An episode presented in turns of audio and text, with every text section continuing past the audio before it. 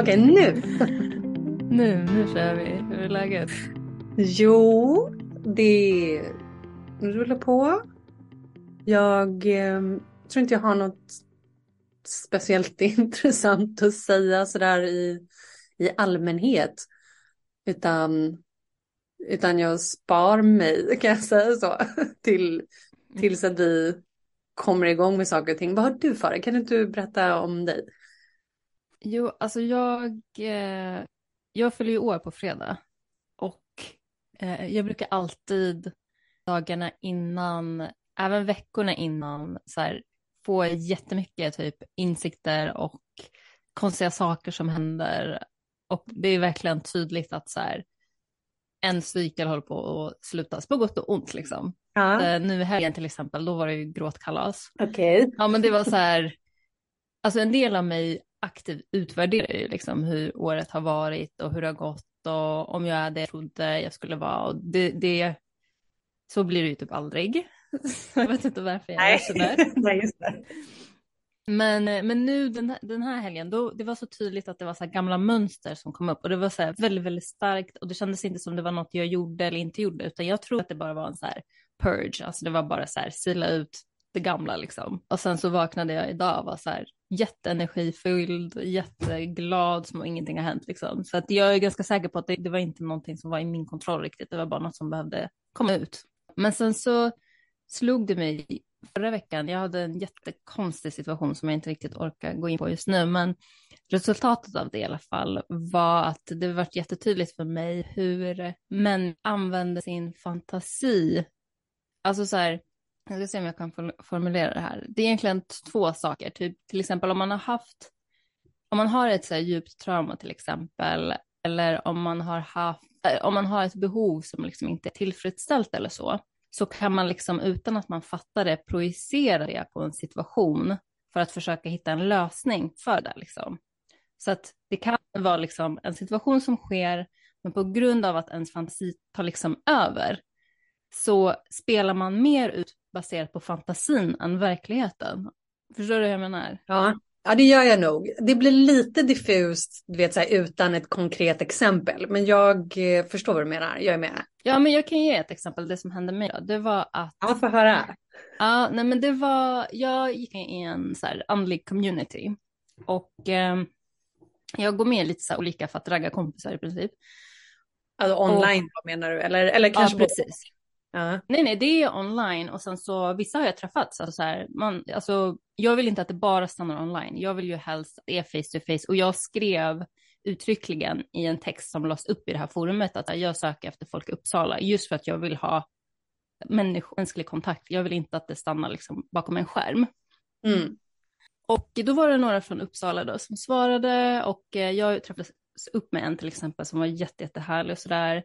Så var det en som då också skrev att han är i Uppsala och eh, så började vi skriva lite om liksom olika eh, andliga erfarenheter som vi har och i det forumet det handlade om en specifik andlig person så att det var lite så här, ah, hur hittar du henne? Jag hittar henne så här och lite så där. Och sen så frågade han om vi kunde prata i telefon och jag sa absolut och det var så här jättefint samtal. Så då hade vi ett samtal till någon dag efter, så här långa jättefina chillsamtal liksom. Sen förra veckan då så hörde han av sig och frågade ganska så här sista sekunden om vi kunde ses.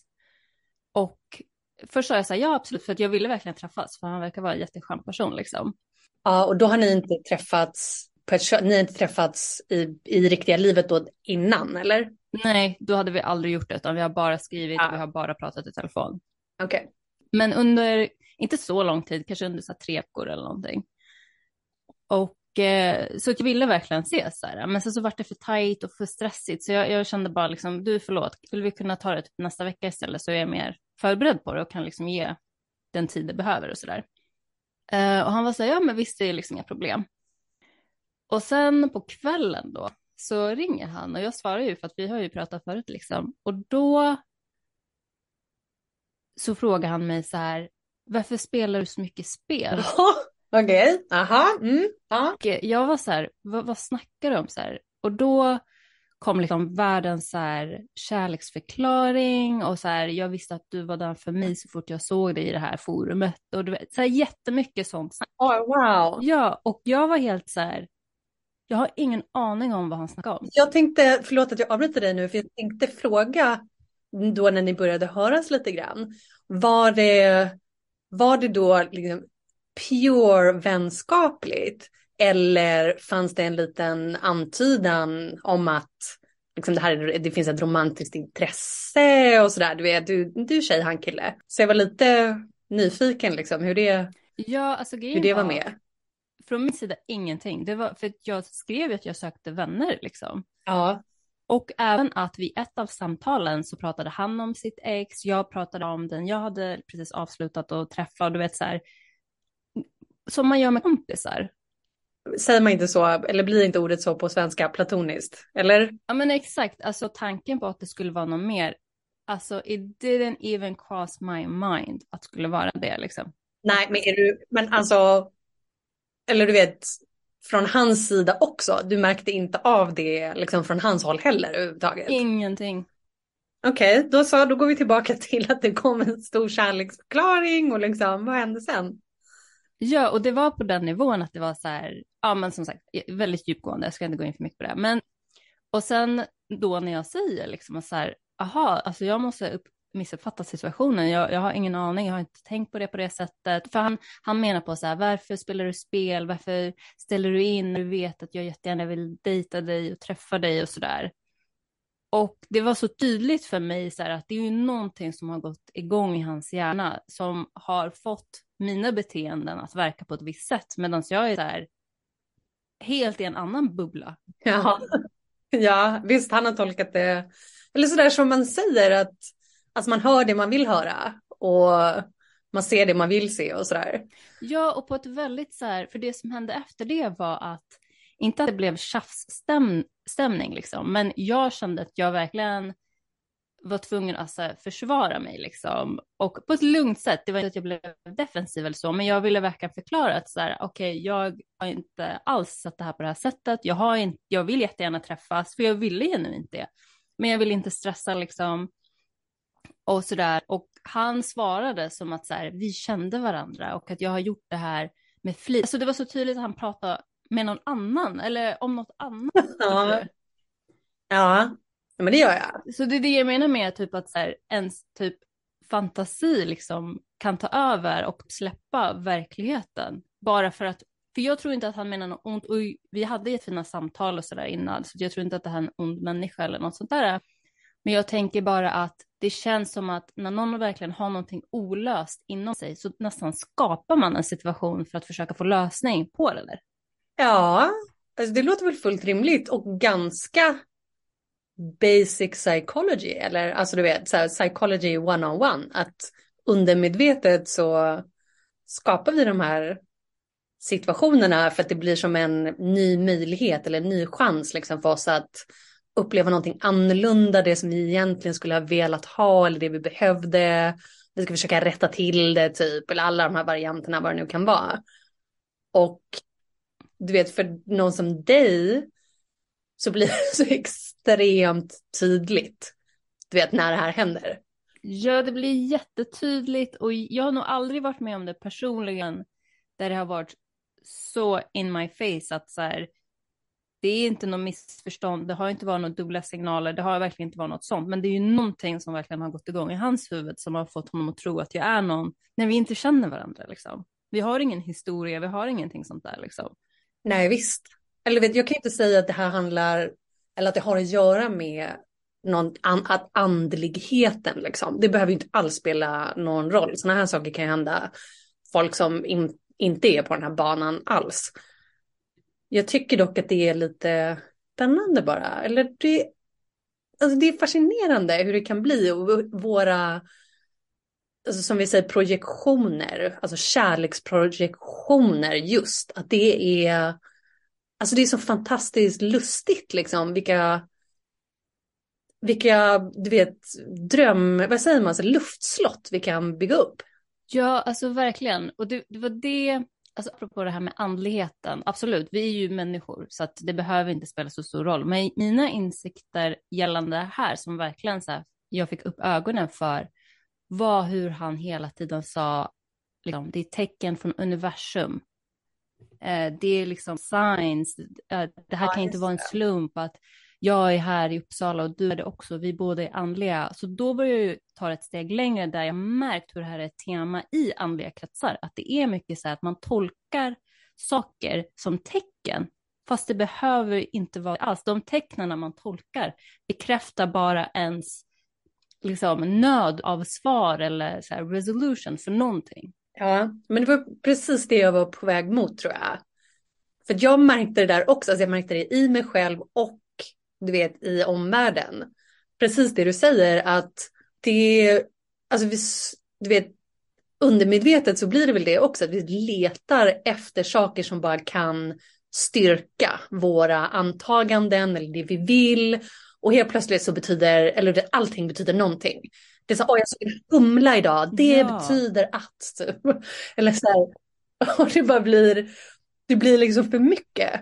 Och det blir sen då också uppenbart att det här är liksom skuggsidan så att säga.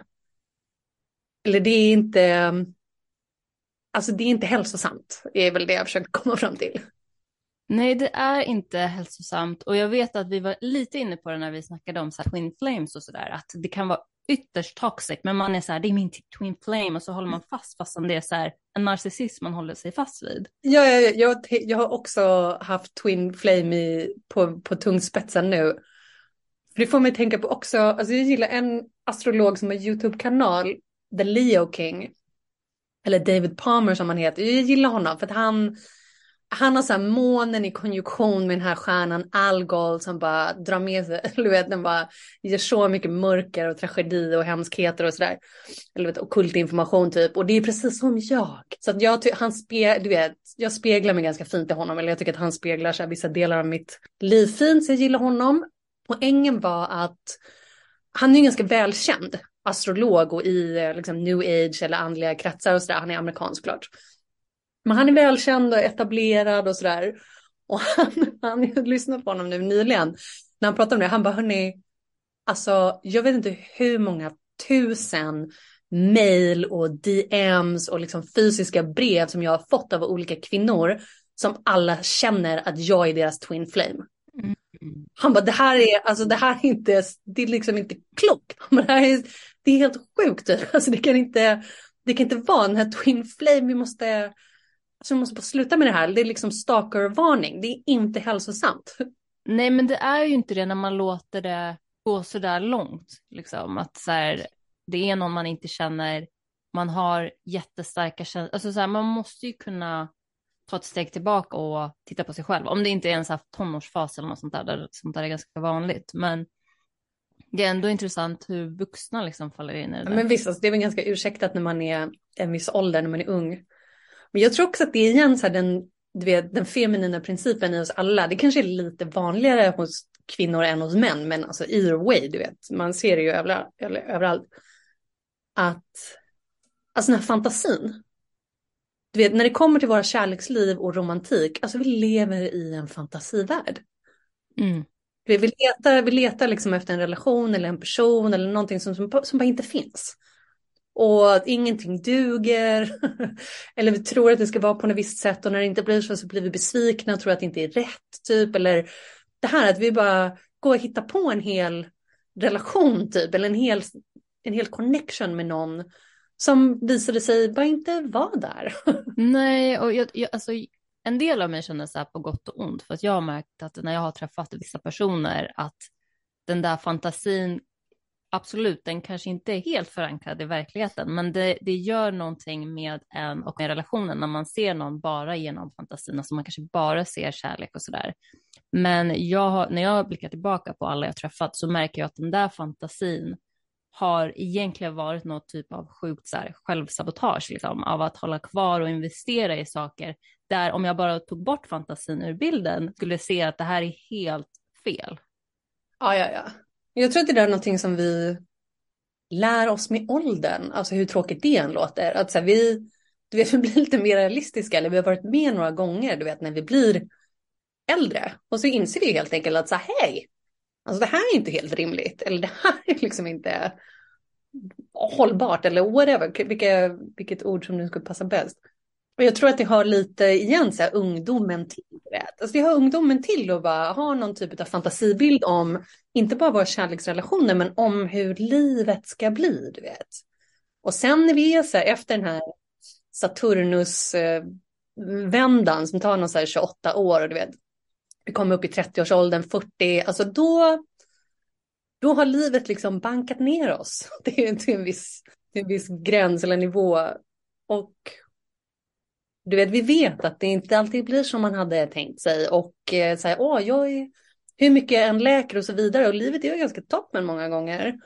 Men jag är också så trasig och du vet, mänskligheten är bara trasig, du vet, och det finns ljusglimtar och vi kan ju höja vibrationerna och alla de här sakerna, men det går inte att komma undan att alltså det är ganska hårt, liksom. Livet är ganska hårt. Jag bara tänker tillbaka på när jag själv Alltså när jag själv typ trodde att killen som jag var gift med, jag trodde ju typ att vi var twin flames, eller att vi kanske är det då, men det var inte speciellt njutbart eller så high vibe, men väldigt transformativt. Och då kom, men då kommer jag också ihåg att jag så här, alltså vet jag, alla de här typ tecknen på eller liksom um, ja, men tecknen eller signalerna på att det skulle vara en twin flame. Jag var så här, vi stämmer in på allt, du vet. Allting. Och, till, och lite då det som jag märker så här, till skillnad från vissa andra nu då också, det var ju att vi vill ju båda ha varandra. För det jag märker nu i andliga kretsar så verkar det ganska ofta också vara en så här en, ensidig historia, du vet. Att det är en person som liksom trånar efter någon annan. Och den andra är så här, the sleeping twin eller the, the running twin eller någonting. De, det är så här människor som är ute och lever sitt liv och typ antingen inte så vet om existensen av den andra eller bara har så här sagt nej, jag vill inte. Och den andra personen du vet håller fast vid att vi är twin, twin flames eller så där. Eller vi kanske inte har träffats men jag vet att det är hon eller jag vet att det är han. Så här. Och det, mm, lite iffy.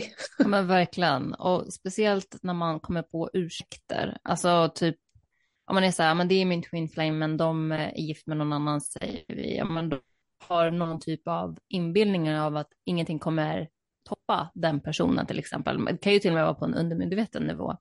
Men hur som, så det är det jag menar med att det kan bli lite så här självsabotageigt och att det kanske är det handlar om egentligen och inte att man är ute efter eller väntar på sin twin flame utan på någon nivå kanske man eh, så här, drar sig undan för att träffa någon. Men det här med twin flame-konceptet passar perfekt in på det, för då kan jag sitta här och rulla tummarna eller vara pessimistisk gällande det för att min är upptagen till exempel. Ja, och jag tycker det, för det här liksom fick jag inse mig själv också, att det passar jättebra på alltså folks oförmåga att respektera andra partnerskap. Absolut, 100 procent. Du vet, eller hur? Och det där är en så, alltså det är en så dysfunktionell och respektlös grej i våran värld. Att vissa tror att det är okej. Vi typ tycker att det är okej att så här, ha lite emotionella affärer typ med någon som har ett etablerat partnerskap. Eller man kan höras lite grann. Och alla har liksom, det här som vi pratar om också, att det är ingen som vill typ committa. Utan alla har lite öppna, alla bara känner av lite, man har flera stycken på gång hela tiden och sådär. Och jag fick ju också, du vet, jag fick ju inse mig själv. För att när jag och mitt ex träffades då, då var hans, in, hans relation med hans nu, nuvarande eller dåvarande tjej, den var inte helt avslutad, du vet. Mm -hmm. han, han sa det till mig på, ganska på en gång ändå, att eh, alltså hon vet inte om hon vill vara tillsammans med mig längre, jag vet inte om jag vill vara med henne, alltså vi är inte så lyckliga. Mm, nej, och det fick jag ju såklart inse med tiden också att det här är hans mönster. Du vet, alltså han gick ju så från tjej, från tjej till tjej till tjej till tjej utan att någon gång så avsluta en riktig relation. Och sen med mig också stack han med massa andra brudar liksom. Och jag fick ju inse att så här, hej, vad är det här för mönster jag har hamnat i? För det var ju så ända sedan jag var yngre att killar och män, alltså de gillade att ge mig uppmärksamhet, de gillade att flörta med mig, de gillade att ha mig så på sidan av. Men de hade ändå, alltså de var inte villiga att verkligen vara med mig. För då hade de antagligen någon annan redan eller de var så på väg att lämna en relation och jag var lite den som du vet drog dem därifrån till slut eller så här. Och du vet inte bara att det så här skapade, jag skapade ju askeff karma för mig själv för att jag insåg inte hur illa en sån situation liksom gör en annan kvinna. Även om inte jag aktivt så här, jagade efter de här killarna typ. Så du vet, så var inte jag så stark nog i mig själv heller och att typ sätta punkt för situationen eller att så avvisa dem, utan det där, det fick ju hända lite på något vis. Alltså jag, jag tror också det finns en ganska bredd där, åsikt att typ så här, ja men det är ju partnerns ansvar. Om du är fri singel, du får göra vad du vill, det ligger inte på dig. Vilket jag alltid, det har alltid så här rubbed me the wrong way, det där. Ja nej, men det är askäft, alltså det är så här, eller du vet, det är ju en sanning, men flera saker kan ju vara sanna samtidigt. Det är klart att det är upp till partnern, men de andra är också så här, vem, alltså vad håller du på med? Alltså vem är du? Liksom, vad, har du, vad händer i ditt liv? Hur kan du, alltså hur kan du tillåta en sån här situation typ? Och som jag säger, jag förstår inte hur illa det gör en annan människa och sådär. Och min poäng är ju såklart att människor gör ju typ inte det. Alltså jag insåg inte heller hur dysfunktionellt och liksom bara osoft en sån situation är. Och jag hade ju inte tillräckligt med självkänsla, så självvärde och sådana här saker för att inse att alltså de här snubbarna är askeffa, eller den här situationen är liksom inte värdig mig. Du vet, jag förtjänar ju tusen gånger bättre och den andra tjejen också antagligen. Och den här mannen är ju liksom inte, han är liksom inte sund. Nej. Och det behöver inte vara exakt den konstellationen heller. Alltså kvinnor sticker väl med folk som inte är deras partners också liksom. Men jag insåg det i mig själv och med alla andra att så här, du, som är, du som inte är i partnerskapet, alltså sluta, sluta håll på. Eller bara lämna den där, lämna honom eller henne, bara lämna dem i fred. Alltså lämna deras partnerskap i fred. Speciellt folk, alltså du vet, fick jag in sig själv, jag var ju gift liksom. Och vem var den där kvinnan som bara hoppade in i min säng, typ tog över hela mitt liv, flyttade in i mitt hus. Jag bara, alltså vad fan är du? Ja, men gud vad sjukt. Ja, det... jag var väl typ 25, så hade jag en sån fas där jag verkligen jag tror det var i alla fall fyra män så på raken där alla var i relationer och sen så var jag lite så här vid sidan av. Och alla började med att så här, jag visste inte ens om det själv, utan det var att de partnerserna eller de flickvännerna då var liksom i andra länder eller de hade liksom tillfälligt flyttat ut, alltså sådana scenarier liksom. Och det det gjorde med mig var att, och det säger ganska mycket om min självkänsla på den tiden, var att jag verkligen kände så här, jag är inte värd mer än så här. Och jag gick helt med på det, ganska blint. Och även om jag tog mig ur de situationerna så fort jag fick liksom reda på sanningen, så stannade det med mig. Så att det gjorde liksom att jag i många år inte kunde se över det, utan jag såg det verkligen som att så här, antingen är jag själv eller så får jag de här smulorna, de här resterna liksom som blir över. Vilket är så sorgligt att tänka på. Det är jättesorgligt. Det är precis det jag menar i mitt fall också. Att så här, jag, jag förstod ju liksom inte att jag var värd mer eller att jag förtjänade bättre. Och de sådana situationer hände ju mig också att jag, alltså jag fick ju höra sen att så här, du vet att han har en flickvän. Eller du vet att de är tillsammans. Bara, va? Nej, det är liksom, nej, jag har ingen aning om det. Mm. Och ja, men det är bara så keft. Alltså det är så. Men alltså när du fick reda på det, kunde du koppla så här, jaha, det var ju exakt så här det gick till när jag och han blev tillsammans eller något sånt? Eller kom det efter? Ja, nej, alltså när jag var yngre så fattade jag inte de här grejerna riktigt. Men när det gick som det gick med killen jag hade gift mig med för då var det många saker samtidigt, du vet lite den här when it, when it rains it pours eller olyckor kommer alltid tre. Så då var så här många hårda smällar samtidigt. Och då, då insåg jag ju, alltså då insåg jag att så här, det här är större mönster, både mina och hans och liksom kollektiva. Och så då, alltså då fattade jag ju, eller började förstå en hel del.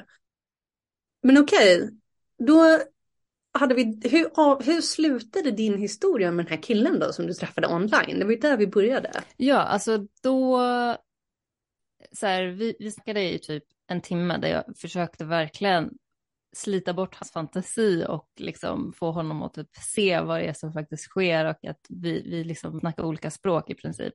Och, men han var ju så inne på, det var också det som blev lite komiskt, var att han skulle hela tiden analysera mig och trodde att han var så här i mitt huvud och han bara, ah, du är skorpion, du analyserar alla, du har aldrig varit med om att någon analyserar dig som mig. Och jag var så här, dude, alltså du vet inte vad du snackar om. Så här, för de, de sakerna han sa, jag bara, nej, alltså det stämmer inte. Han bara, ah, nu är jag verkligen så här, du vet så här, ah, han bara lekte trickster, tror jag, tyckte jag det var. Jag tyckte nästan det var komiskt att han liksom trodde att så här, i got you now, när det verkligen inte var så. Och sen så när jag började känna så att vi kommer ingenstans, ja. och uh, avrundade jag det hela och han var väldigt så här, ja men väldigt på. Men så la vi på i alla fall.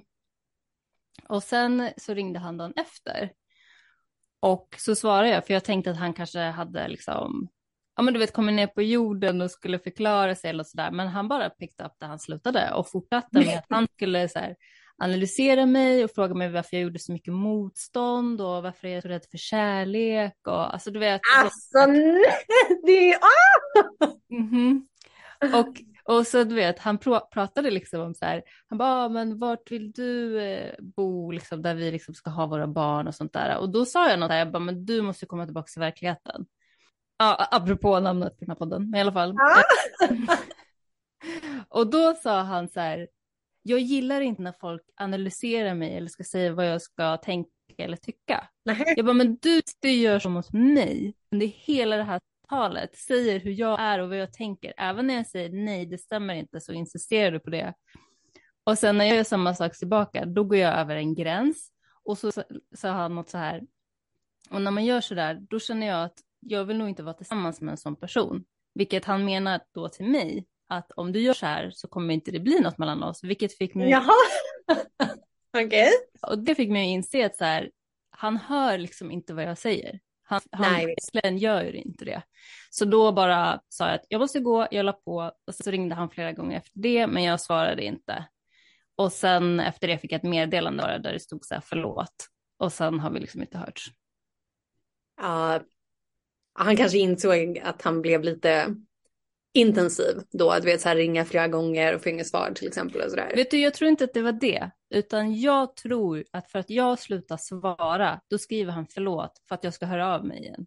Oh, alltså det är så sant. Alltså kolla, jag är fortfarande så naiv ibland. Alltså det, du har säkert 100% rätt. Alltså folk vet exakt vad de håller på med, eller även om de inte vet exakt vad de håller på med, så alltså man ska inte underskatta den här manipulativa sidan hos folk. Det är klart, alltså det är klart att han sa förlåt jag bara för att du vet, reel you back in. Ja, men grejen är, apropå att vara naiv, för att när jag pratade med min kusin om det här dagen efter, så var hon så här, varför svarar du dagen, dagen efter, liksom, vid andra samtalet? Ja. Och då sa jag så här, för att när jag har blottat mig ganska mycket, hur cycling kan verka, så, och, och jag går tillbaka till den personen för att förklara mig, då vill jag gärna ha en öppen dörr. Liksom. Och jag, då la väl min fantasi sig över på honom, för då tänkte jag, men det är det jag brukar behöva, så jag tänker ge det till honom. Liksom. Ja. Istället för att bara stänga den dörren efter första samtalen och that's it, vilken kusin tyckte jag skulle göra. Och då sa hon så här, hon bara, Gud, du är alldeles för snäll. Alltså så här, du behöver inte ge folk the benefit of the doubt liksom på det sättet. Nej, alltså jag förstår nog, eller jag skulle hålla med både dig och din kusin. Jag tror mm. att, för jag tycker ju å ena sidan att alltså det är ganska fint av dig att tillåta honom att komma tillbaka för att kanske alltså komma någon annanstans eller så här, jag själv hade ju uppskattat det så mycket, eller jag uppskattar det så mycket själv om någon kan så ursäkta mitt beteende typ eller ge mig en, en till chans och lite sådär men mm å andra sidan så, alltså man vet ju inte vilka folk är eller vem det är man har att göra med och som din kusin säger, alltså du är ju säkert för snäll och du är liksom inte skyldig honom att, eh, att det här ska fortsätta liksom. Nej, ja, alltså det var, hela grejen var bara så absurd och så från ingenstans. Och sen så kunde jag inte låta bli att skratta för att jag hade haft ett samtal med universum dagen innan där jag var så här, varför skickar du mig sådana här bozos, alltså en efter en? Och sen så får jag liksom det där samtalet dagen efter, vilket kändes lite som ett skämt typ. Ja, men det här är så lustigt. Det är så lustigt. Alltså jag har också så här, jag har typ verkligen problem ibland med att du vet, komma överfund med hur eh, alltså andligt folk, så medvetna, du vet, Karl han kan lite astrologi, du vet, man har lite psykologi, man kan slänga sig med termerna och sådär i alla fall. Man kan språket liksom. Och så liksom blir man så, eller jag blir så förvånad fortfarande typ över hur omedvetna eller osjälvmedvetna folk ändå kan vara. Även fast, du vet om du har klivit på den här andliga resan eller vad det nu kan vara. Jag, det blir, alltså vet, jag bara fattar inte hur det går ihop. Nej, alltså jag tycker ibland så känner jag typ att allt det här med andlighet kan också bara bli ett sätt för oss att känna att vi har kontroll. Alltså vi vill så här make sense of it. Vi vill se ett mönster, vi vill kunna förutspå, vi vill kunna se länken mellan en sak och en annan. Men vi är ju precis, alltså så här, vi är ju lika mycket människor för det. Det är bara för vi har egentligen inte någon kontroll heller. Samtidigt som man kanske är nyfiken och vill kunna förstå och sätta sig in i hur liksom, universum och så funkar. Men eh, som sagt, det är man människa så är man. Så att det, det blir som du säger, det spelar ingen roll hur många termer och hur mycket man läst in sig och hur många lärare liksom, och guider och allt vad man har haft. Det spelar egentligen inte, eller det behöver inte spela någon roll. Det behöver inte spela någon roll. Alltså många gånger så är det liksom, det är bara blaj i alla fall. Eller du vet, så här, det är bara, äh, det är värsta tramset liksom. Och folk har inte, folk har inte alls gjort det här jobbet liksom. Jag trodde ju också typ att jag hade, alltså han kommit någonstans, tagit mig någonstans i mitt medvetande. För några år sedan du vet, bara, du vet, slängde, slängde omkring mig själv och de här plant medicinskretsarna och du vet jag pluggade min astrologi och alla de här sakerna och alltså jag var väl på väg upp så att säga liksom i, i spektrat kan man säga så eller liksom på skalan av medvetenhet. Men i alla fall det var så mycket blind spots. Alltså vissa grejer som ändå är ganska så här, självklara som jag bara, du vet, jag bara var inte med på det där lite kan man ju kanske också ge så här, du är fortfarande ganska ung, du är inte helt nykter. Men jag blir, alltså jag kan ju typ ibland känna mig lite skamsen själv över att så herregud, alltså hjälp mig. Där, där gick jag liksom och trodde att jag var något typ, eller att jag var någon. Och så bara, jaha, oj då. det är väl typ den största fällan av dem alla, när man tror att man har liksom nått en viss nivå. För det är så här lager på lager på lager på lager. Ja visst.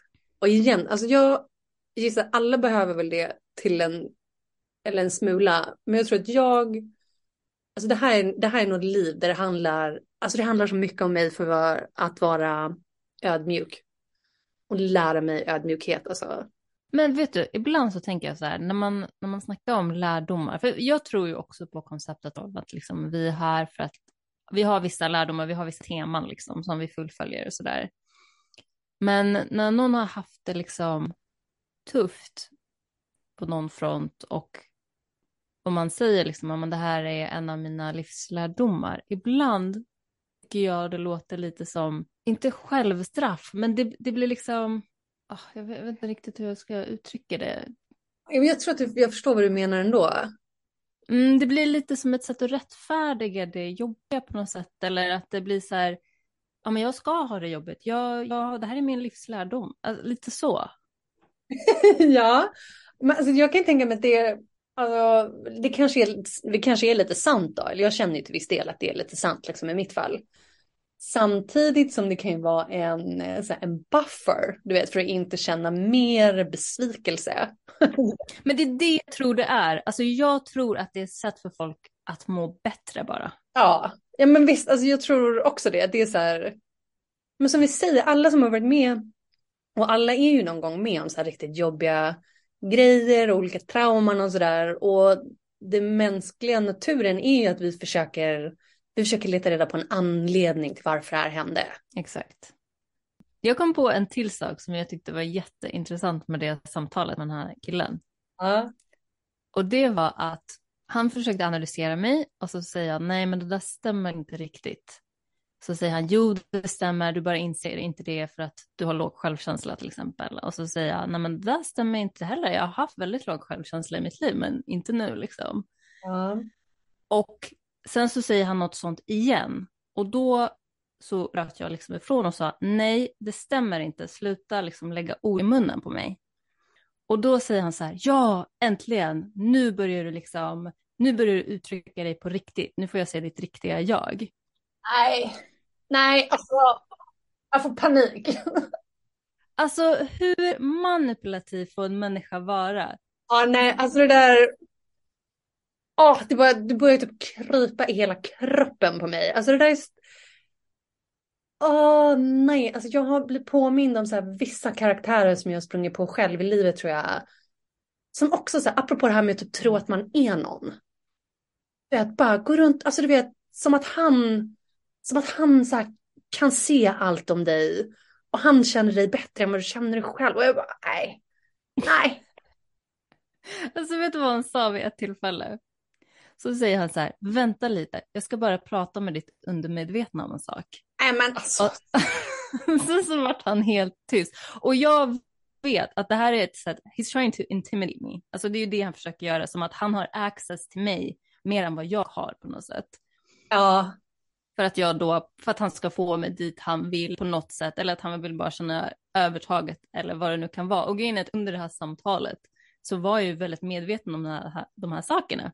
Vilket gjorde att jag tyckte att det blev lite, nästan lite gulligt hur han höll på och trodde liksom att han gjorde någonting med mig när jag verkligen kunde inte bry mig mindre.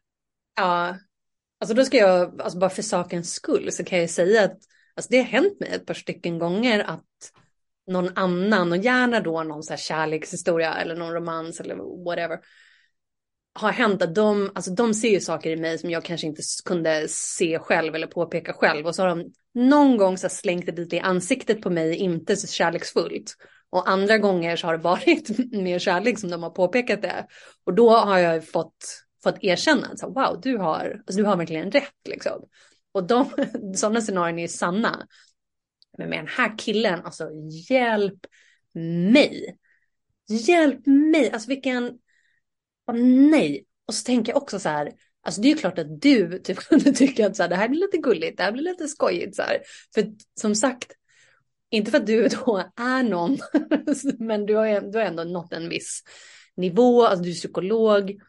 Men förstå någon som inte liksom har hamnat där du har hamnat, någon som fortfarande inte har självkänslan, någon som fortfarande inte så, kan sådana saker eller vet det här. Alltså det är så lätt det är så lätt att bli liksom offer för en sån här människa. Absolut. Det är ju det jag tänker också. Speciellt det vill säga att man träffar någon som kanske är lite yngre, som är lite osäker och som kanske till och med har börjat vara på den här spirituella vägen där man ändå är öppen för vissa saker som man kanske annars inte är riktigt. Alltså men till, till exempel att man kanske, vissa människor kan ju få insights till andra aspekter av oss själva, tror jag på i alla fall. Och absolut, det, det är ju ett easy prey för en sån kille liksom. Ja visst, jag blir bara påmind om alltså i andliga kretsar, alltså hur mycket, ja, vilket är vårt svenska ord för predators? Sexuella förövandra, eller förövare. De är, alltså det bara vimlar av dem i de här kretsarna. Därför jag också är så här, alltså jag står inte ut med så tantra folk och sådär, typ. för att nej, alltså det är bara fullt av folk som liksom inte är att leka med. Och som vi säger, man kanske är lite ny till de här grejerna, lite blåögd, lite, eller bara superöppen och intresserad. Alltså det är så enkelt att åka dit på det här. Och jag, usch, alltså usch. Ja, alltså jag råkade ju ut för en sån, jag, jag hade ju en uh, intensiv period när jag online-dejtade och då skrev jag i min profil att jag sökte spirituella män och jag har aldrig träffat så toxic män i mitt liv. För att, jag kan ge ett exempel där det var en, och han var lite så äldre också, så att jag tänkte, ah, okej, okay, men han, han verkar liksom mogen. Ålder behöver absolut inte betyda något, men i alla fall. Då började det med liksom att vi snackade lite om så här resandet och sådär, och så visade det sig att vi hade varit i Thailand under samma tid. Alltså på vintern, och hur många svenskar är inte där liksom? Men, men, han tolkade det som att vi måste precis ha passerat förbi varandra under den här tiden, för vi var inte så långt från varandra fysiskt. Och nu har vi matchat här på Tinder. Det då skulle tyda någonting. Ja, ett nytt tecken. Ett nytt tecken, precis. Och sen när han, alltså inom 24 timmar, jag skojar inte, så lång tid tog det innan jag blockade honom för att han var helt psycho. Så frågade han mig om mina eh, djupaste, nej vad sa han, mörkaste hemligheter, mina trauman, mina familjeband och jag svarade väldigt, väldigt ytligt liksom. Och då när jag gjorde det så var han så här, aha, är du en sån där avoidant attachment?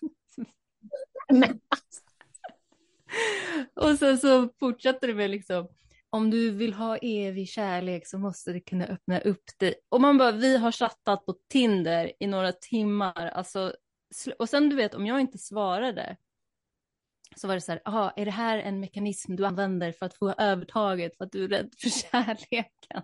Alltså det är inte sant. Oh. Alltså hjälp mig. För, och, alltså jag kan ju skratta åt det nu, men det här var verkligen en del i min, min stora sorg. När jag inse, insåg liksom hur de här de kretsarna som jag hade hamnat i i Peru så här, efter mycket om och men, du vet. Jag hade, det var inte riktigt så här självvalt som jag hade, hade börjat beblanda mig med dem, utan det var ju för att jag hängde på mitt ex, liksom. Han ville att vi skulle åka till Dalen och bla bla bla. Och så insåg jag att så här, men hallå, vänta, det är ingen här, alltså det är ingen här som är det jag trodde, utan alla är bara så skadade, oläkta, mycket då sexual predators och sådär. Jag bara, nej men alltså, nej. det bara, det var så här, det här luftslottet, du vet, det bara raserades. Och, nej men, alltså de här, nej, alltså det är, det är, det är skratta eller gråta. Alltså det är skratta eller gråta. Nej. Ja men verkligen. Alltså det finns en, eh, en kille som heter JP Sears och han har en jätterolig sketch där det heter så här How spiritual men pick up women. Jaha. och då är det verkligen bara så här You're my goddess typ. Ja. Eller så här uh, We met in previous lifetimes. Alltså massa sådär. Oh, ah, Gud. Ja visst och du vet och jag var ju så här, jag var den här vikinga jag är så här vikingakvinnan som kom och de du vet bara, åh, de, bara, de du vad heter det, de bredde på liksom om hur de, eh, ja men du vet magin där uppe i norr och bara wow. Det var sån grej och så tycker jag det, jag tycker det är kul nu för jag var, då var jag ju efteråt så här, bara okej, okay, alltså jag vill ju ha, jag vill ju vara med någon, du vet, jag vill ha en kärleksrelation liksom, men alltså vem, vem ska det kunna vara? Det måste ju vara en andligt medveten och eh, disciplinerad man, men han får inte vara sådär då. Alltså han får inte vara så new agey, han får inte ha med några så plantor att göra eller cannabis eller tanta, inget, inget, inget sånt, inga kristaller, du vet, jag ingenting jag bara, det, jag bara, leave that to me. Du vet, jag tycker de är fina. Jag vill ha lite kristaller, men jag vill inte jag måste ha en man som liksom inte har någonting med det att göra, men ändå är medveten och liksom uppkopplad och allt det där. Och lo and behold, alltså livet skickade mig ens mönstermuslim. Jag bara, ha! Självklart liksom. Okej, eller vet, jag hade ju aldrig tänkt den tanken själv, men nu fattar jag ju.